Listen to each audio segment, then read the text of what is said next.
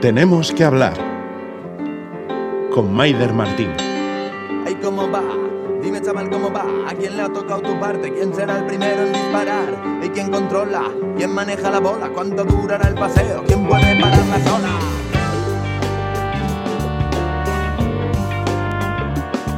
Hola, ¿cómo están? Bienvenidas a una nueva edición de Tenemos que hablar. Venimos verdes, verdes como el trigo verde y al verde verde limón. Ya saben lo que dice la canción. Hoy toca COP26. Nos vamos a Glasgow con la pretensión de entender qué está pasando allí.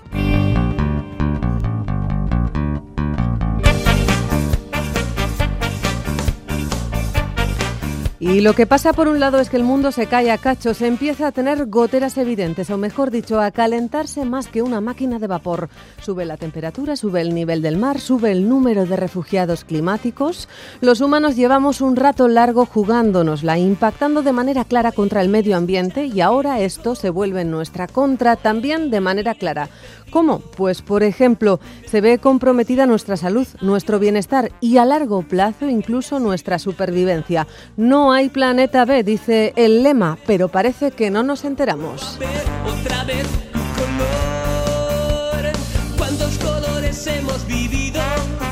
El mundo necesita compromisos concretos, cada país ha de adquirirlos de manera coordinada con el resto, empezando por los más ricos, pero sin dejar atrás a los empobrecidos. Estamos ante la COP más importante desde París y volvemos a correr el riesgo de que Glasgow se quede en un cúmulo de buenas intenciones y palabrería. La gran pregunta es, ¿se conseguirá? Bueno, esto lo veremos. Hasta allí van a viajar los compañeros María Suárez e Iñaki Larrañaga. Ellos van a ser nuestros ojos en esta COP. Y desde ya necesitamos un manual de instrucciones para entenderla.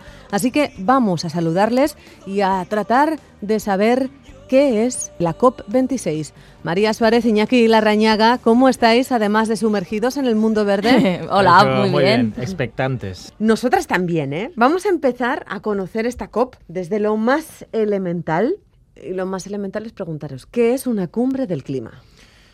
Pues, oficialmente la explicación, como la mayoría de las cosas que surgen de Naciones Unidas, son un poco engorrosas. Se trata de la conferencia de las partes y es una cumbre anual que realiza lo que sería la Convención Marco de las Naciones Unidas sobre el Cambio Climático. Se reúnen un porrón de países, 196 concretamente. Dicho de otra manera, eh, la cumbre del clima o la COP es eh, una reunión de los peces gordos del planeta donde escenifican su lucha contra una catástrofe climática que se nos viene encima. Bueno, ahora sí lo hemos, lo hemos entendido, no hay como hablar claro, bien. la rañaga. ¿Y una COP cómo funciona?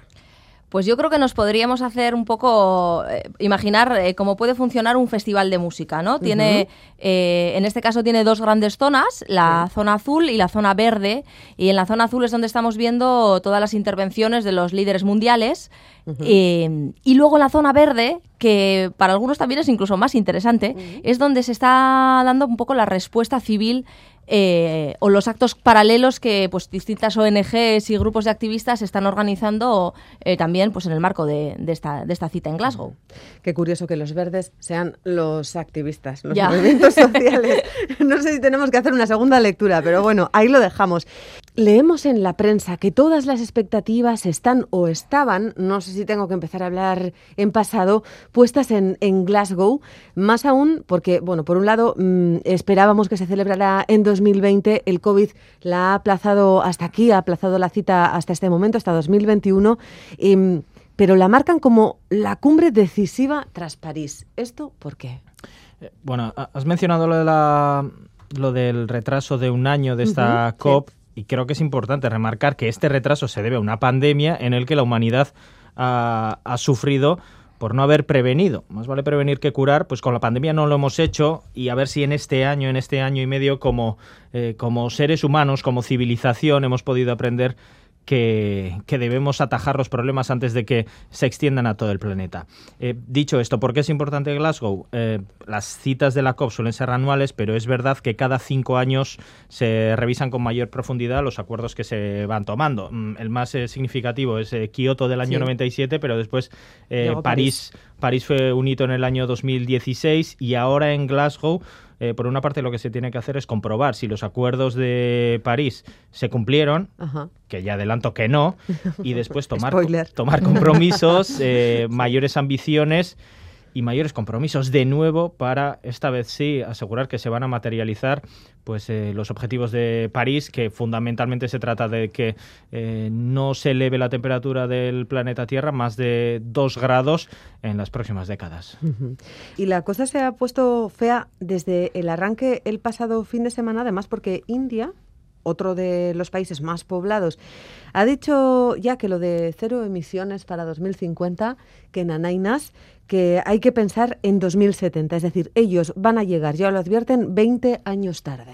Esto es lo del vaso medio lleno, medio vacío, que en el caso de la crisis climática creo que está medio vacío, o sea, eso se puede constatar, pero eh, también es cierto que este compromiso de India, el tercer emisor del mundo de gases de efecto invernadero, con una industrialización que comenzó mucho más tarde que en Sí. Occidente, por lo que nosotros llevamos ya contaminando mucho más tiempo que ellos, es verdad que es su primer compromiso para llegar a, a la eh, neutralidad en las emisiones de dióxido de carbono. Entonces, en fin, aunque sea un compromiso totalmente insuficiente porque el mundo se nos va a ir al garete, eh, también es verdad que es un avance. Es la primera vez que el primer ministro indio sale y se fija ese objetivo. Mm, ¿20 años más tarde de lo que reclama Naciones Unidas? Sí. Habrá que ver también los que marcan el año 2050 eh, si lo van a cumplir. Es Así curioso, que paso además- adelante al menos sí. Sí, la diferencia entre los titulares que hemos tenido aquí, por ejemplo, ¿no? De, Sí. jo, pues In- India no se está sumando a, a ese compromiso, se está sumando, pero eh, 20 años más tarde, pero por ejemplo, en la prensa de Reino Unido y de Escocia, eh, lo están planteando de la otra manera. El por fin, por primera vez India se compromete, al menos hasta 2070, por fin tiene una fecha límite de, eh, de emisiones cero. El caso es que esta noticia nosotros aquí la hemos visto eh, como un jarro de agua fría y no sé si hemos recibido más agua fría para el cuerpo. Me- Yo no diría que está habiendo jarros de agua fría como tal. Se están dando como pequeños pasitos, Sí. eh, pequeños compromisos. Es verdad que se, se matiza muchas veces. Esto es un compromiso no vinculante. Claro, habrá que Oh. ver. En este tipo de cumbres luego no hay sanciones si no, si no cumples los, lo que prometes, ¿no? Sí. Eh, pero bueno, yo creo que lo que se nos está vendiendo desde allí, de momento, son pequeños pasitos. Eh, que bueno, ya veremos cómo, cómo desembocan el día 12, ¿no? Que es cuando tiene que haber los grandes acuerdos. Lo no vinculante siempre suele sonar algo así como declaración de intenciones. Sí, ¿no? totalmente. Muestras de buena Mm, voluntad. Punto totalmente. fin. Eh, hablamos de lo malo, de lo malo, de lo malo. Pero sí que ha habido acuerdos, por ejemplo, en torno al metano y a ese gran acuerdo, el primero además, en torno a la deforestación, ¿no? En el de la deforestación, además, se, se ha destacado mucho que, que- que lo han, se han sumado eh, tanto China como Rusia, además de Brasil. Y son de eh, los tres países eh, que hacen. Entre, entre los tres países suman casi un 80% de la superficie arbolada del planeta. y, y al final en esos ter- territorios es donde más CO2 se está absorbiendo gracias a los árboles. Entonces eso es importante. Y luego con el tema del metano también eh, se ha destacado mucho porque eh, ahí no se han sumado estos países, pero el, el metano es un gas más contaminante todavía que el CO2. Lo bueno que tiene el metano es que es más contaminante, pero eh, desaparece antes de la Al atmósfera. revés. Bueno, antes hablábamos de India, pero ¿y Euskadi qué? Porque ya ha participado en la COP. Lo hizo por primera vez el jueves para hablar del objetivo de neutralidad cero, el gran acuerdo que se busca en 2050. Fue Arancha Tapia, que por cierto eh, todavía continúa ahí, va a estar durante unos, unos cuantos días. Y bueno, sí, eh, de hecho Euskadi fue una de las, de las eh, cuatro regiones invitadas en, en ese foro. Eh, para hablar de- del objetivo de, de la industria, del objetivo para que la industria alcance las emisiones netas cero eh, en 2050. Invitaron a Euskadi porque, como sabemos, pues somos una sociedad eminentemente industrial y, y, bueno, pues ahí se reafirmó ese compromiso de emisiones netas cero para, para 2050. También se hablaron un poco de los avances que ha habido en estos últimos 15 años y, y no, y eso. Tenemos que ir para que nos pongan los deberes, que eso también es importante, ser autoexigentes. Bueno, pues vamos con la autoexigencia. Emisiones netas cero, emisiones netas cero. ¿Esto qué es? A ver, me da un poco de reparo tener que explicar esto, como porque hay personas evidentemente eh, que se dedican a ello. Pero bueno, eh, emisiones cero se trata básicamente de un cálculo de lo que emitimos y de lo que absorbemos. Eh, los gases de efecto invernadero, principalmente el CO2, que se emite cada vez más, que se ha ido multiplicando en las últimas décadas, y después está el componente de la absorción a través de los océanos, a través de los bosques. Si la suma da cero, la de emisión y absorción, vamos a decir que estamos en el buen camino porque eh, esos gases no van a tener un, un efecto tan directo en, en que la temperatura del planeta incremente. Supongo que esto es uno de los ingredientes que vayan a hacer que esta COP sea un éxito, ¿no? Eh, lograr un acuerdo en torno a estas emisiones netas, que sean cero para 2050. Eh, ¿Qué más ingredientes necesitamos para que esta COP sea un éxito? Yo creo que uno, yo creo que ya está siendo un éxito simplemente porque ¿eh? el mundo, ¿no tenéis como la sensación de que el mundo está mirando especialmente a esta COP más que a otras? sí. La anterior COP fue en Madrid, que era de Chile, pero bueno, se Sí, cambió a Madrid sí, por los disturbios sí. que había, y, y no tengo la sensación de que mirásemos tanto, tan, tan fijamente a, a lo que pueda surgir, de, a lo que pudiera surgir de la del año pasado. Sí, es Sí. verdad que los discursos también de los primeros dos días de los líderes internacionales, ok, es el bla bla bla de, que dice Greta Thunberg, que Greta Thunberg que afea a los líderes. Pero fueron discursos muy contundentes y cada vez más países y los países más importantes están entrando en ello. Y ese mensaje que se lanza desde ahí también lo capta, lo capta por ejemplo, el mundo financiero, cuando tiene que decidir sobre qué invertir, sobre renova- renovables o sobre extracción de gas natural sí. eh, también escucha a lo que dicen los líderes internacionales. Lo que hacen, sí, que puede ser contradictorio con sus palabras, pero estos discursos eh, van calando como el agua, eh, como la lluvia fina, creo yo. Bueno, has eh, usado un nombre propio mágico en este programa, Greta Thunberg. Eh, de hecho, ayer fue el Día de la Juventud. Greta se manifestó de algún modo.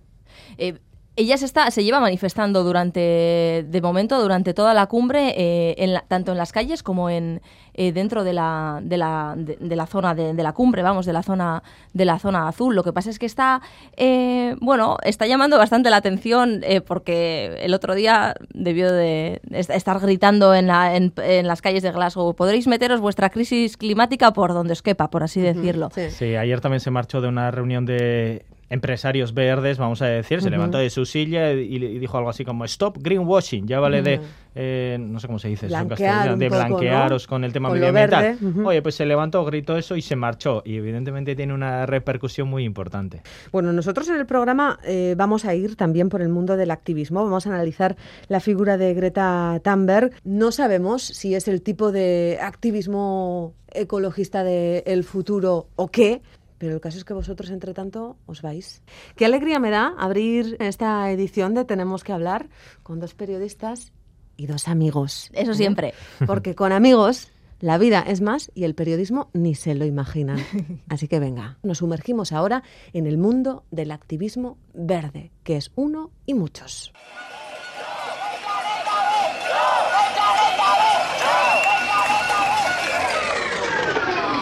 Sin futuro, sin casa, sin huertas, sin valles, sin mariposas.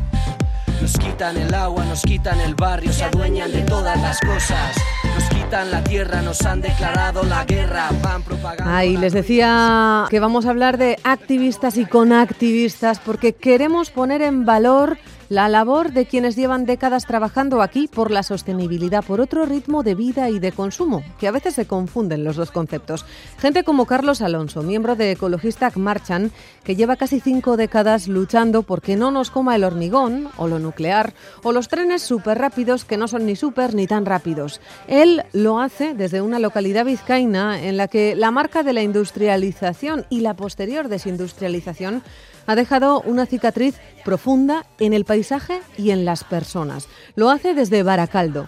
Allí fui a encontrarme con él, un tipo al que merece la pena escuchar atentamente. Carlos Alonso, activista de Ecologista Marchan y abogado. Gracias eh, por esta entrevista, es que ricasco. Gracias a vosotros por darnos un poco de voz. Acabamos de salir del el local de Ecobaraca. Tú eres eh, baracaldarra.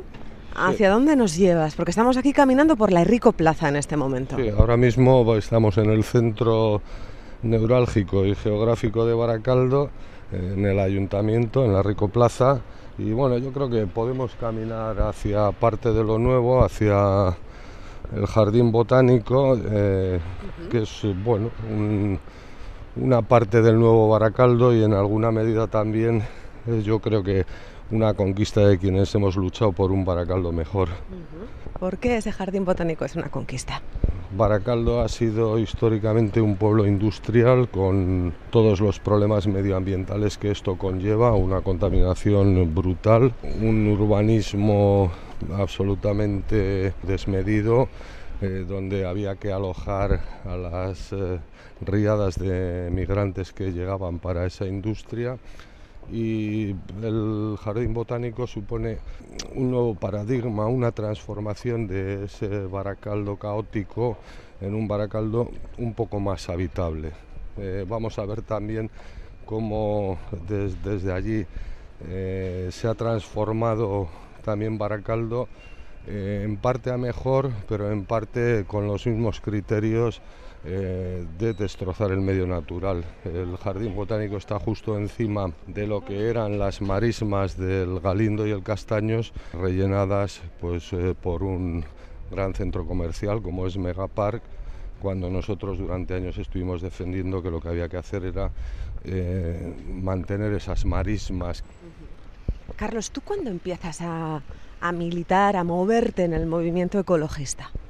bueno, casi, casi cuando empieza lo primero que podemos llamar ecologismo en Euskal Herria. Eh, yo con 16 años ya estaba en un partido político clandestino, en la oposición al franquismo, en el año 74. Y bueno, eh, cuando empieza, ya había colaborado y trabajado en asociaciones de vecinos que para mí son una de las eh, patas que sostienen el nacimiento del movimiento ecologista, pero es eh, cuando empieza a extenderse la preocupación y el miedo a un proyecto como la central nuclear de Lemoniz, cuando yo empiezo a tomar una conciencia más directa de estos problemas. La lucha contra Lemoniz empieza en el año 74 con la Comisión de Defensa de una costa vasca no nuclear, que eran básicamente eh, técnicos intelectuales eh, preocupados por eh, la nuclearización de la costa vasca y la pata social, las asociaciones de vecinos. a partir del año 77 empiezan a formarse de manera espontánea, casi como nacen las setas en el otoño en el bosque, los comités antinucleares de forma, como digo, muy espontánea, eh, básicamente eh, alimentados por eh, militantes políticos y sociales que habíamos estado en el antifranquismo, pero no, de, no, no como una decisión pensada, meditada, sino a niveles locales, comités antinucleares, que primero eran comités contra Lemoniz, nada más.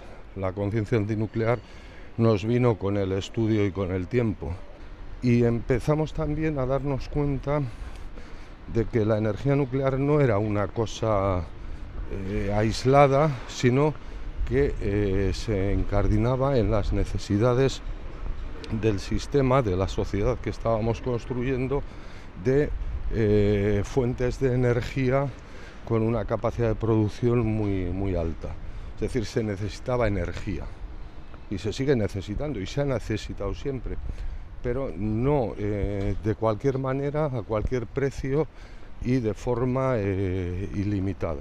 Entonces empezamos a preocuparnos también, eh, ahí es donde nos hicimos antinucleares y ahí es donde empezamos también a hacernos ecologistas, viendo como estos problemas, como digo, no eran aislados, sino que tenían que, mucho que ver con un modelo social, con un modelo económico, eh, con una alternativa eh, de producción, de consumo eh, que no compartíamos y que nos fuimos dando cuenta de que llevaba a esta sociedad, o al menos como la conocemos ahora y en este planeta, al desastre en ese movimiento ecologista muy numeroso, muy populoso en aquel momento, os jugabais la vida. Estamos hablando del tardo franquismo. Sí, sí, bueno, nos jugábamos. Nada que ver con lo de ahora. Nos jugábamos la vida incluso físicamente, quiero decir, eh, en el año 79, en una manifestación en Tudela, eh, la Guardia Civil, una manifestación pacífica, festiva, cargó la Guardia Civil y murió, asesinó a bocajarro a una militante ecologista, Gladys del Estal. Eh, nos jugamos la vida nosotros y cualquiera que en aquella época saliera a la calle a reivindicar derechos. ¿Cómo se trabajaba en aquel momento? Éramos grupos locales con eh, una autonomía absoluta y bueno, pues no había dirigentes, eh, no había coordinadores estables, sino simplemente pues hacíamos coordinadoras y asambleas eh, periódicas donde intercambiábamos experiencias y decidíamos también campañas conjuntas. Te, lo preguntaba porque em, no sé cómo sientes el ecologismo de masas mainstream ¿no? que tenemos ahora y que a veces parece que bordea el greenwashing de determinadas empresas. ¿no? Sí, eh, se asemeja en algunas cosas demasiado a, algunas políticas empresariales y también a, algunas políticas gubernamentales. Bueno, nuestro ecologismo que pretendía ser entonces lo llamábamos ampulosamente ecologismo de masas, un ecologismo de masas y eh, una parte, porque parte de ese ecologismo pervive, nosotros intentamos además mantener viva su llama, eh, pero otra parte del ecologismo eh, no sabría cómo definirlo, quizá más light, menos, menos social, vamos a dejarlo ahí.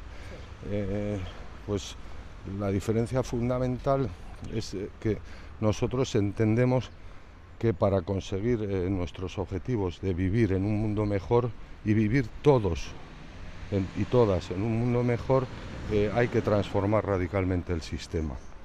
decir, bueno, y creemos que debe hacerse sobre la participación activa y directa de los ciudadanos y ciudadanas. es decir, seguimos eh, considerando que no son necesarios líderes, que pues sí que pueda haber lógicamente gente que trabaja, que piensa, que aporta más, pero que no son necesarios eh, líderes a los que seguir, sino eh, construir un camino entre todos y todas. ¿Cómo ves tú la figura de Greta Thunberg? Bueno, pues, eh, yo creo que aporta, aporta cosas al movimiento, eh, aporta una preocupación o pone de manifiesto eh, una preocupación que compartimos, extiende una conciencia. Desde algunos aspectos me puede parecer una persona y, una, y sobre todo una aportación positiva, pero nosotros creemos que la transformación social eh, se consigue o se avanza en ella eh, no con líderes más o menos carismáticos, sino con, con, el trabajo, eh, la organización de la ciudadanía y la toma de conciencia. ¿Qué nombre se le pone al tipo de ecologismo que hace Greta? Te sonríes, te estoy poniendo en un aprieto. Mm, sí, no sé, no sé. Mejor que se califique cada cual. Es, eh, por ponerte otro ejemplo, Greenpeace. Greenpeace es una organización a la que yo le tengo mucha admiración, mucho respeto también y cariño incluso con algunas personas que he compartido, eh, pero que sostiene otro modelo de activismo. Greenpeace eh, basa su acción fundamentalmente bueno, eh, en profesionales, con un, profesionales del medio ambiente y profesionales del activismo. Eh, en cuanto a los profesionales del medio ambiente y colaboradores, con un rigor eh, importantísimo, con un rigor científico y técnico muy notable, que, nos han aportado grandes, grandes ideas y grandes alternativas a, la sociedad y también al, resto del movimiento ecologista.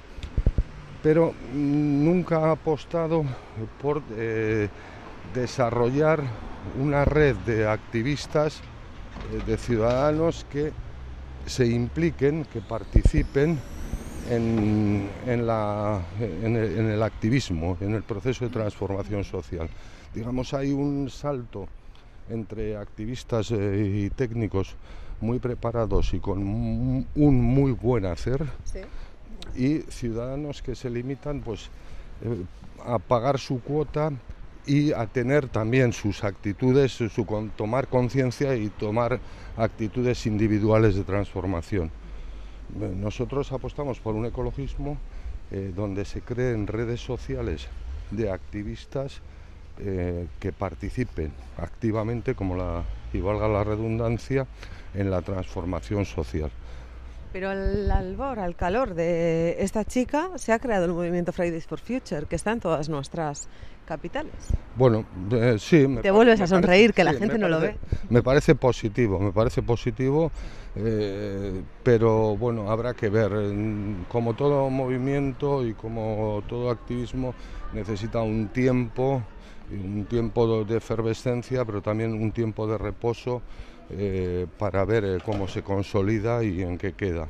En cualquier caso, bueno, pues, lógicamente la parte de llamada de atención al conjunto de la sociedad y también eh, la parte de mm, integración de una energía juvenil a un activismo como es el ecologista, pues bueno, es ya lo bastante positivo, pero habrá que ver en el futuro cómo se consolida. Nosotros, de hecho, estamos apoyamos esos movimientos, quiero decir, los, chavales de, de, este movimiento pues eh, se juntan en, los locales nuestros, eh, les ofrecemos eh, apoyo material y sobre todo intentamos no dar lecciones.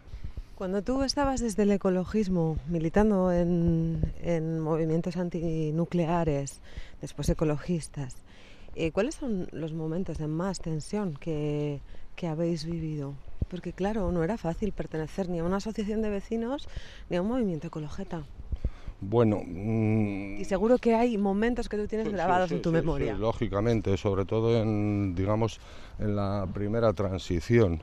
Eh, los momentos más duros han sido siempre los momentos de, represión. Bueno, eh, en los momentos iniciales, incluso cuando eh, estábamos en la clandestinidad o, cerca de la clandestinidad, pues casi cada, cada momento del activismo era un momento de tensión.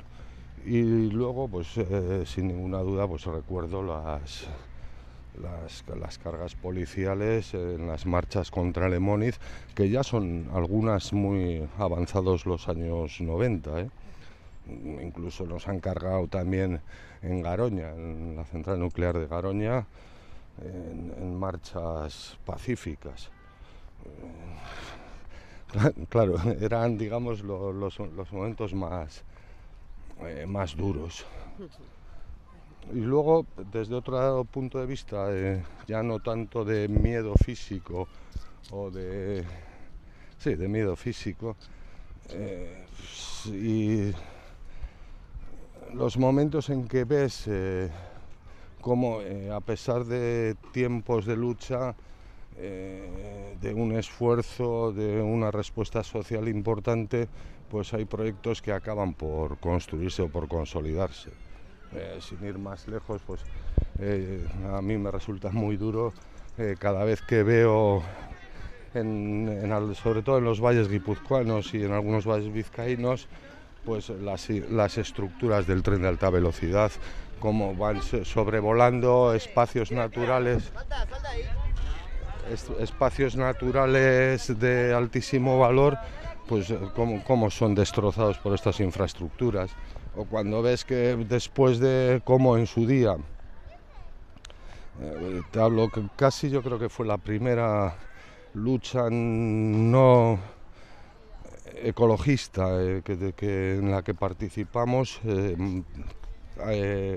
después del movimiento antinuclear, pues la, primera ampliación de Petronor como pues eso, ves crecer las instalaciones, las chimeneas, eh, la catalítica se llamaba.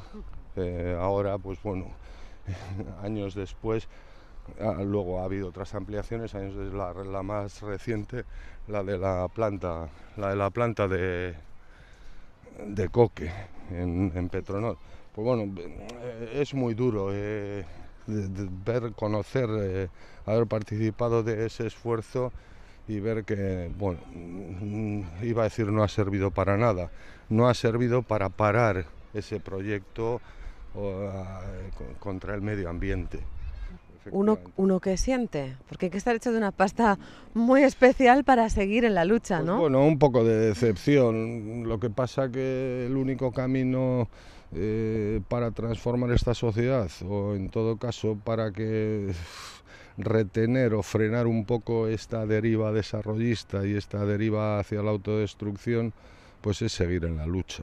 Es el único camino. Eh, mm, ya eh, cuando cuando nosotros o cuando yo comencé eh, la lucha, pues teníamos la sensación de que nos íbamos a comer el mundo. Supongo que como todo chaval con 16, 18, 20 años, eh, y que bueno, de que lo íbamos a transformar, de que íbamos a cambiar el mundo de arriba abajo. Eh, te das cuenta, bueno, por una parte de que por lo menos eh, el mundo no te ha cambiado mucho a ti, lo cual ya es un triunfo y una satisfacción, pero te das cuenta de que la cosa no es tan sencilla, de que es mucho más complicada, de que hay bueno, y de que también eh, la sociedad, pues bueno, eh, piensa como piensa y vota como vota. Eh, tendremos una democracia limitada, manipulada, pero, pero al fin y al cabo, cuanto menos hay, hay un derecho a voto cada cuatro años que expresa en parte al menos el sentir de la sociedad. Y dices, bueno, mm, la cuestión no es que yo vaya a imponer una visión idílica del futuro o del planeta o de la sociedad, eh, sino que entre todos seamos conscientes de que hace falta esa transformación. Y esa conciencia, bueno, mm, se va aprendiendo, va avanzando, pero quizá no a la velocidad que queremos. Eh, es lo que hay. No, no, no me lo voy a tomar como algo personal porque si no, pues bueno, eh, estaría demasiado, demasiado frustrado. Sí, pero es que mm, es, es demasiado satisfactorio el pelear por un mundo mejor como para dejarlo. No sé si esa, si ya creo que ya no me queda esa opción. Como decía Saramago, además, cuanto más mayor me hago, más radical. Ese es el gran titular ¿eh? de esta entrevista. Bueno, bueno. COP26, ¿qué esperas de ella? COP26 es eh, una más. Una más, eh, una cumbre con mucha palabrería, con nuevos llamamientos a, tomar medidas, a que los gobiernos tomen medidas y pocas decisiones y sobre todo poca influencia en las decisiones que luego toman los gobiernos. Si es que llevamos desde el año 92, desde la cumbre de Río, hablando de estas cosas, y, el 92 no es el, inicio de que hablar de estas cosas. El, el 92, la cumbre de Río, la, lo que se llamó la cumbre de la Tierra, era la culminación de todo un camino donde mucha gente y no solo los ecologistas, ya habíamos advertido desde eh, años antes, eh, te lo recordaba antes, el, informe al Club de Roma del año 70 eh, hablaba ya del crecimiento cero, del año 70. en el 92, digamos que se pone sobre la mesa la urgencia del problema. Desde el 92 hasta ahora han pasado 30 años, 26 cumbres, 26 cumbres, el protocolo de Kioto, los acuerdos de París, eh, ahora lo que se decida en Glasgow, y ves las cifras, los estudios, y dices, no, si seguimos en el mismo camino. O sea, no se han reducido sustancialmente las emisiones de CO2 y también de otros gases de efecto invernadero. ¿Qué espero de Glasgow? Mm, nada nada, ya digo, eh, nada efectivo. Creo que de quien se puede esperar es de las sociedades, si, si son capaces de presionar más a sus gobiernos para que adopten medidas. Con esa apelación, no solo a los gobiernos, a los que toman las decisiones, sino a la sociedad, ¿no? Porque tú estás haciendo eh, una apelación a la sociedad para que sea responsable, a cada uno de nosotros, ¿no? Para que tomemos parte y seamos medida de presión. Creo que con eso nos vamos a quedar, porque ahora tengo que coger el tren, irme a Bilbao, porque he quedado con los ecologistas jóvenes, con Friday for Future. Diles que por mi parte tienen, además de un saludo, si les vas a ver ahora mismo en la mañana, eh, todo nuestro apoyo, eh, todo nuestro ánimo, que ánimo y adelante porque estamos en el mismo camino. Ha sido un placer escucharte de verdad, además, y escucharte con, con atención. Eh, Carlos Alonso, es que ricasco. Gracias, Maider, por darnos voz y por haber compartido también este momento, este paseo por Baracaldo. Qué bien estamos al sol. Me cuesta hasta apagar la grabadora. ¿eh? cambiando el clima, pero ahora vamos para arriba. No hay solución mientras sigan estas reglas. Rompamos las normas, de la vuelta. Que nadie se quede Fíjense, creo que rumié tanto las palabras de Carlos que hablaban de decrecer, de cambiar las reglas, de generar eh, las decisiones desde la responsabilidad personal y la horizontalidad sin dejar a nadie atrás, que finalmente no llegué a la cita con los Fridays for Future. Pero me encontré con ellos unos días después y por teléfono, con Alba, Alba Granado. Es muy joven y forma parte de este colectivo de Viernes por el Futuro. Surge hace tres años, ya saben, al calor de una figura, un gran icono, el de Greta Thunberg. La niña de las huelgas por el clima tiene ya 18 años y un montón de seguidores por todo el mundo, también aquí. Un movimiento muy diferente al que lleva Carlos defendiendo décadas y me preguntaba yo, ¿son ellos el cambio generacional del activismo verde? Bueno, vamos a preguntárselo a Alba. ¿Cómo estás? Hola, muy bien. Cuéntanos, ¿cuándo decides tomar parte activa en Fridays for Future? Me uní a Fridays desde los comienzos, desde en marzo de 2019, que es cuando empezamos a, organizar nuestra primera concentración. eh, pues desde entonces estoy, estoy aquí en activa. ¿Cuántos años tenías entonces? Tenía 20 años. ¿Y qué le motiva a una con 20 años para unirse a, a FFF, a Fridays for Future? Pues bueno, yo eh, ya estaba concienciada acerca de bueno, todas las problemáticas que, que hay relacionadas con el medio ambiente, como es eh, el cambio climático, que es una de las que más se oyen, ¿no? De, hay que tomar eh, medidas ya.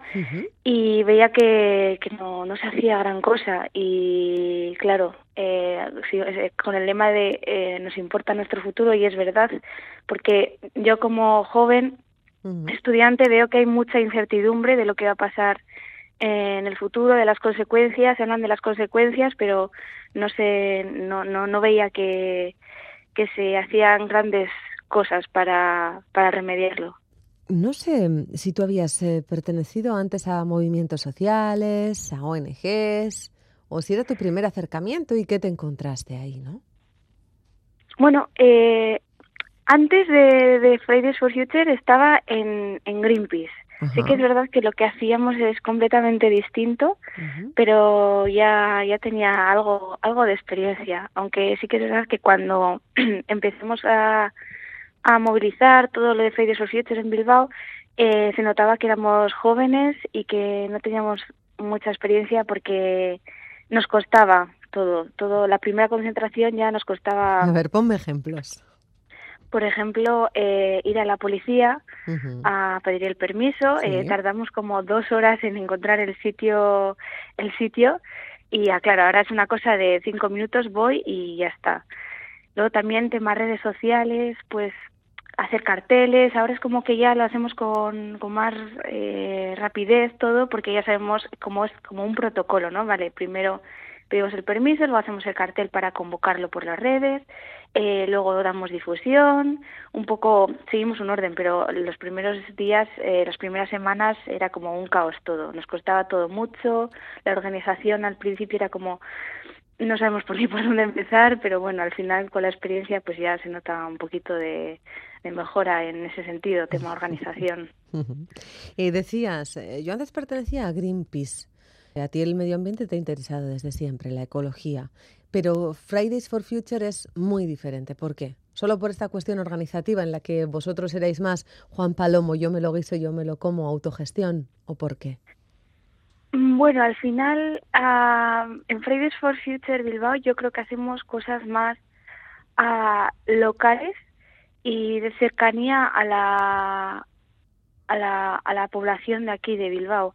En cambio, en Greenpeace yo creo que hacen cosas más grandes, campañas más grandes que, que al final eh, está todo hablado desde Madrid o a nivel internacional, pero eh, a nivel, pues eso, en, en Fridays for Future sí que pues eh, tenemos más libertad a la hora de pensar en una idea, de llevarla a cabo. Eh, además somos más constantes porque, bueno, al menos antes de la pandemia sí que estábamos todos los viernes. Y, y bueno, en Greenpeace yo la mayoría de las cosas que hacía era petición de, bueno, recolección de firmas y, y hacer alguna actividad suelta, pero por ejemplo en Fridays for Future sí que ve más como continuidad y más e intentar acercarse a, la ciudadanía.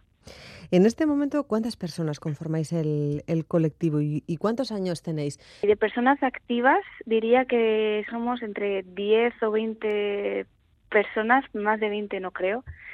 Y mm, tenemos, bueno, la edad, yo diría entre 19, 23, 24 años, por ahí más o menos.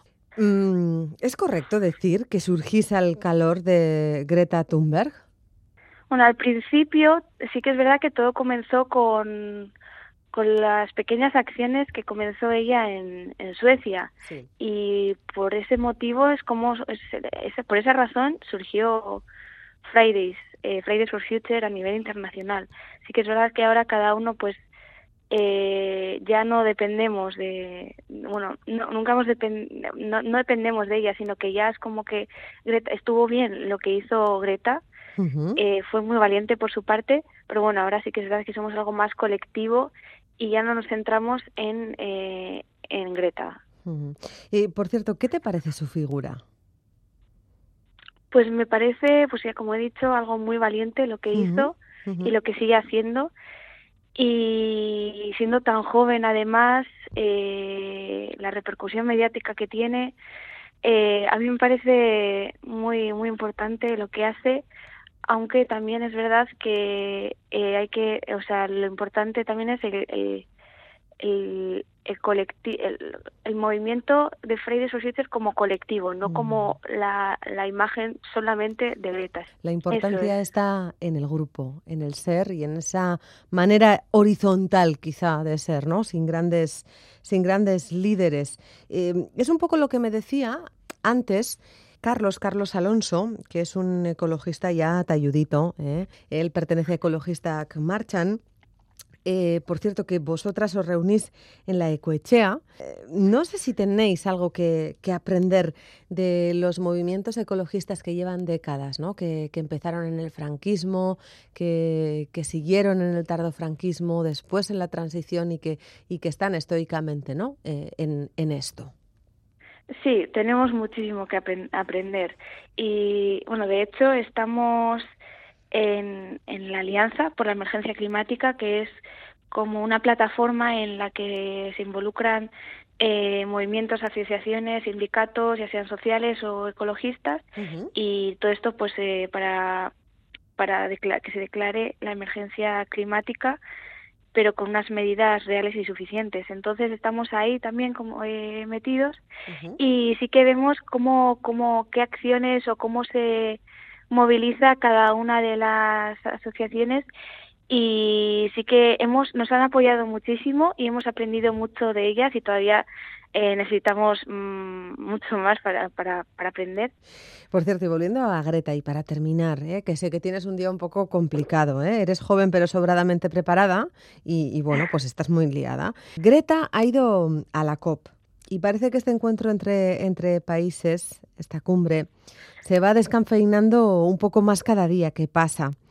No sé cómo lo ves tú como componente de Fridays for Future. No sé si tienes alguna esperanza, porque vosotros lo que declaráis, lo que pedís, son medidas reales eh, de manera urgente, ya. Eh, no sé si conserváis alguna esperanza de que los países lleguen a adoptarlas. Pues yo eh, soy optimista Y viendo que, que ahora hay tanta presión, porque sí que estoy viendo que cada vez hay mucha más presión eh, para, para que se tomen medidas reales, como has dicho. Y además, eh, debido al último informe del IPCC que, lo pudimos ver en agosto de este año, eh, estaban venga a repetir la urgencia de actuar ya y cada vez hay más urgencia, cada vez tenemos menos tiempo, eh, los hechos son así y creo que ante esta urgencia y, la presión, gran presión social que hay para que se, que se tomen medidas, creo que en esta cumbre del clima va, se van a tomar decisiones positivas. Y Alba, Alba Granado, que ha sido un placer ¿eh? abrirte las puertas hoy de Tenemos que hablar. Muchísimas gracias. Nos ha costado, pero lo hemos conseguido. ¿eh? Un abrazo muy fuerte. Cuídate mucho. Gracias, muchas gracias.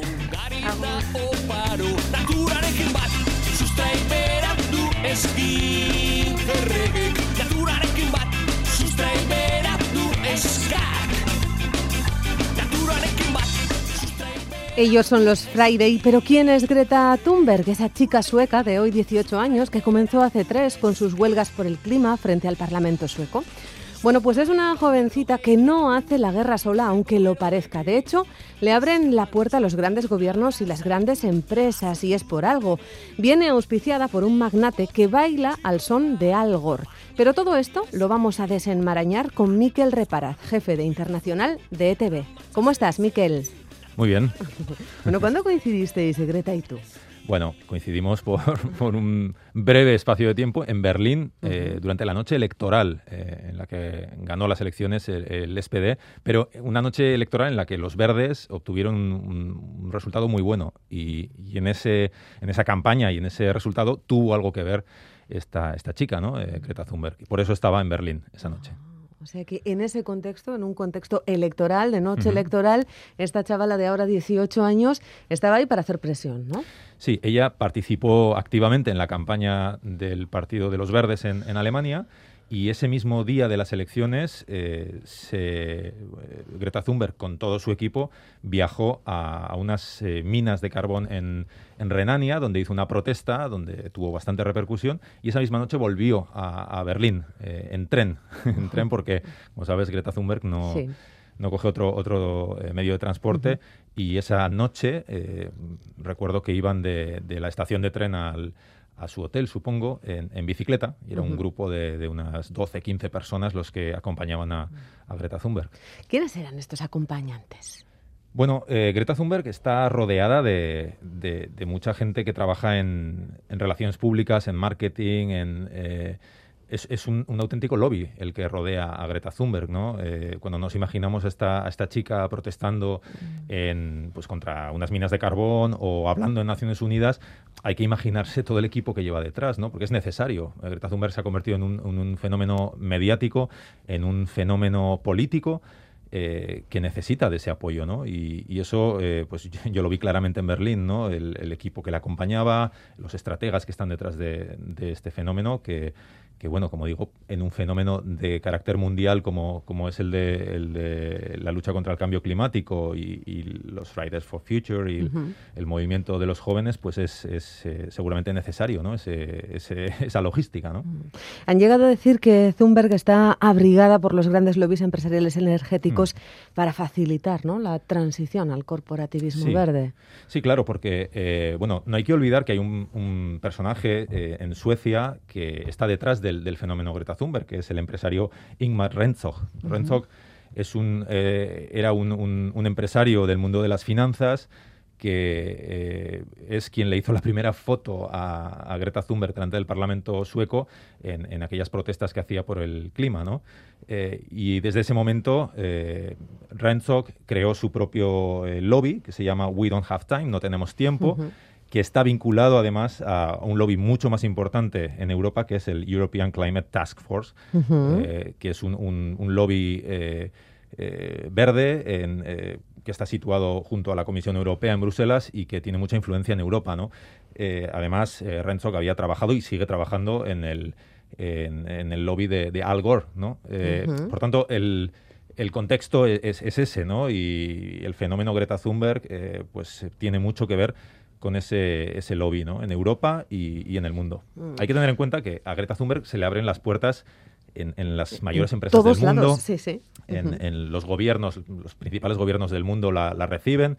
Eh, se le abren las puertas de la Asamblea General de Naciones Unidas, donde solo pueden hablar los líderes mundiales, ¿no? La vimos ahí en 2019. Descartemos, por tanto, esa imagen de niñita o de adolescente aislada, sola, que va a lugares eh, muy importantes tocando ahí, ¿no? La, puerta y, se le abren todas ellas. Bueno, ahora mismo, ¿cómo de influyente es esta mujer?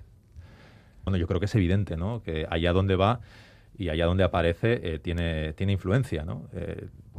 Como digo, pues hay eh, los gobiernos, las empresas, eh, las instituciones eh, internacionales le dan lugar, le dan la palabra y ahora mismo se ha convertido en un icono, ¿no? Y a mí me, sorprende muchísimo el poco tiempo que lleva. Parece que Greta Thunberg existe desde hace muchos años, pero en realidad ese fenómeno lo, hemos, lo conocimos sobre todo en 2019. Fue en 2018 cuando hizo su primera huelga por el clima, ella sola sentada en, una escalera frente al Parlamento de, Suecia en Estocolmo, pero en 2019 fue cuando conocimos ¿no? en, el mundo a Greta Thunberg y es que han pasado dos años. ¿no? Mm. Y en dos años ha sido capaz de replicar ese movimiento por, por todo el mundo. Y de inspirar a muchos jóvenes, ¿no? Y lo vemos incluso aquí, los viernes, las, las huelgas eh, por el clima esto es una realidad, ¿no? Es, eh, esa influencia, esa capacidad de inspiración que tiene Greta Thunberg es, es una realidad. Ahora mismo no sé, eh, las nuevas generaciones, eh, yo diría que, si tienen algunas causas o, hay causas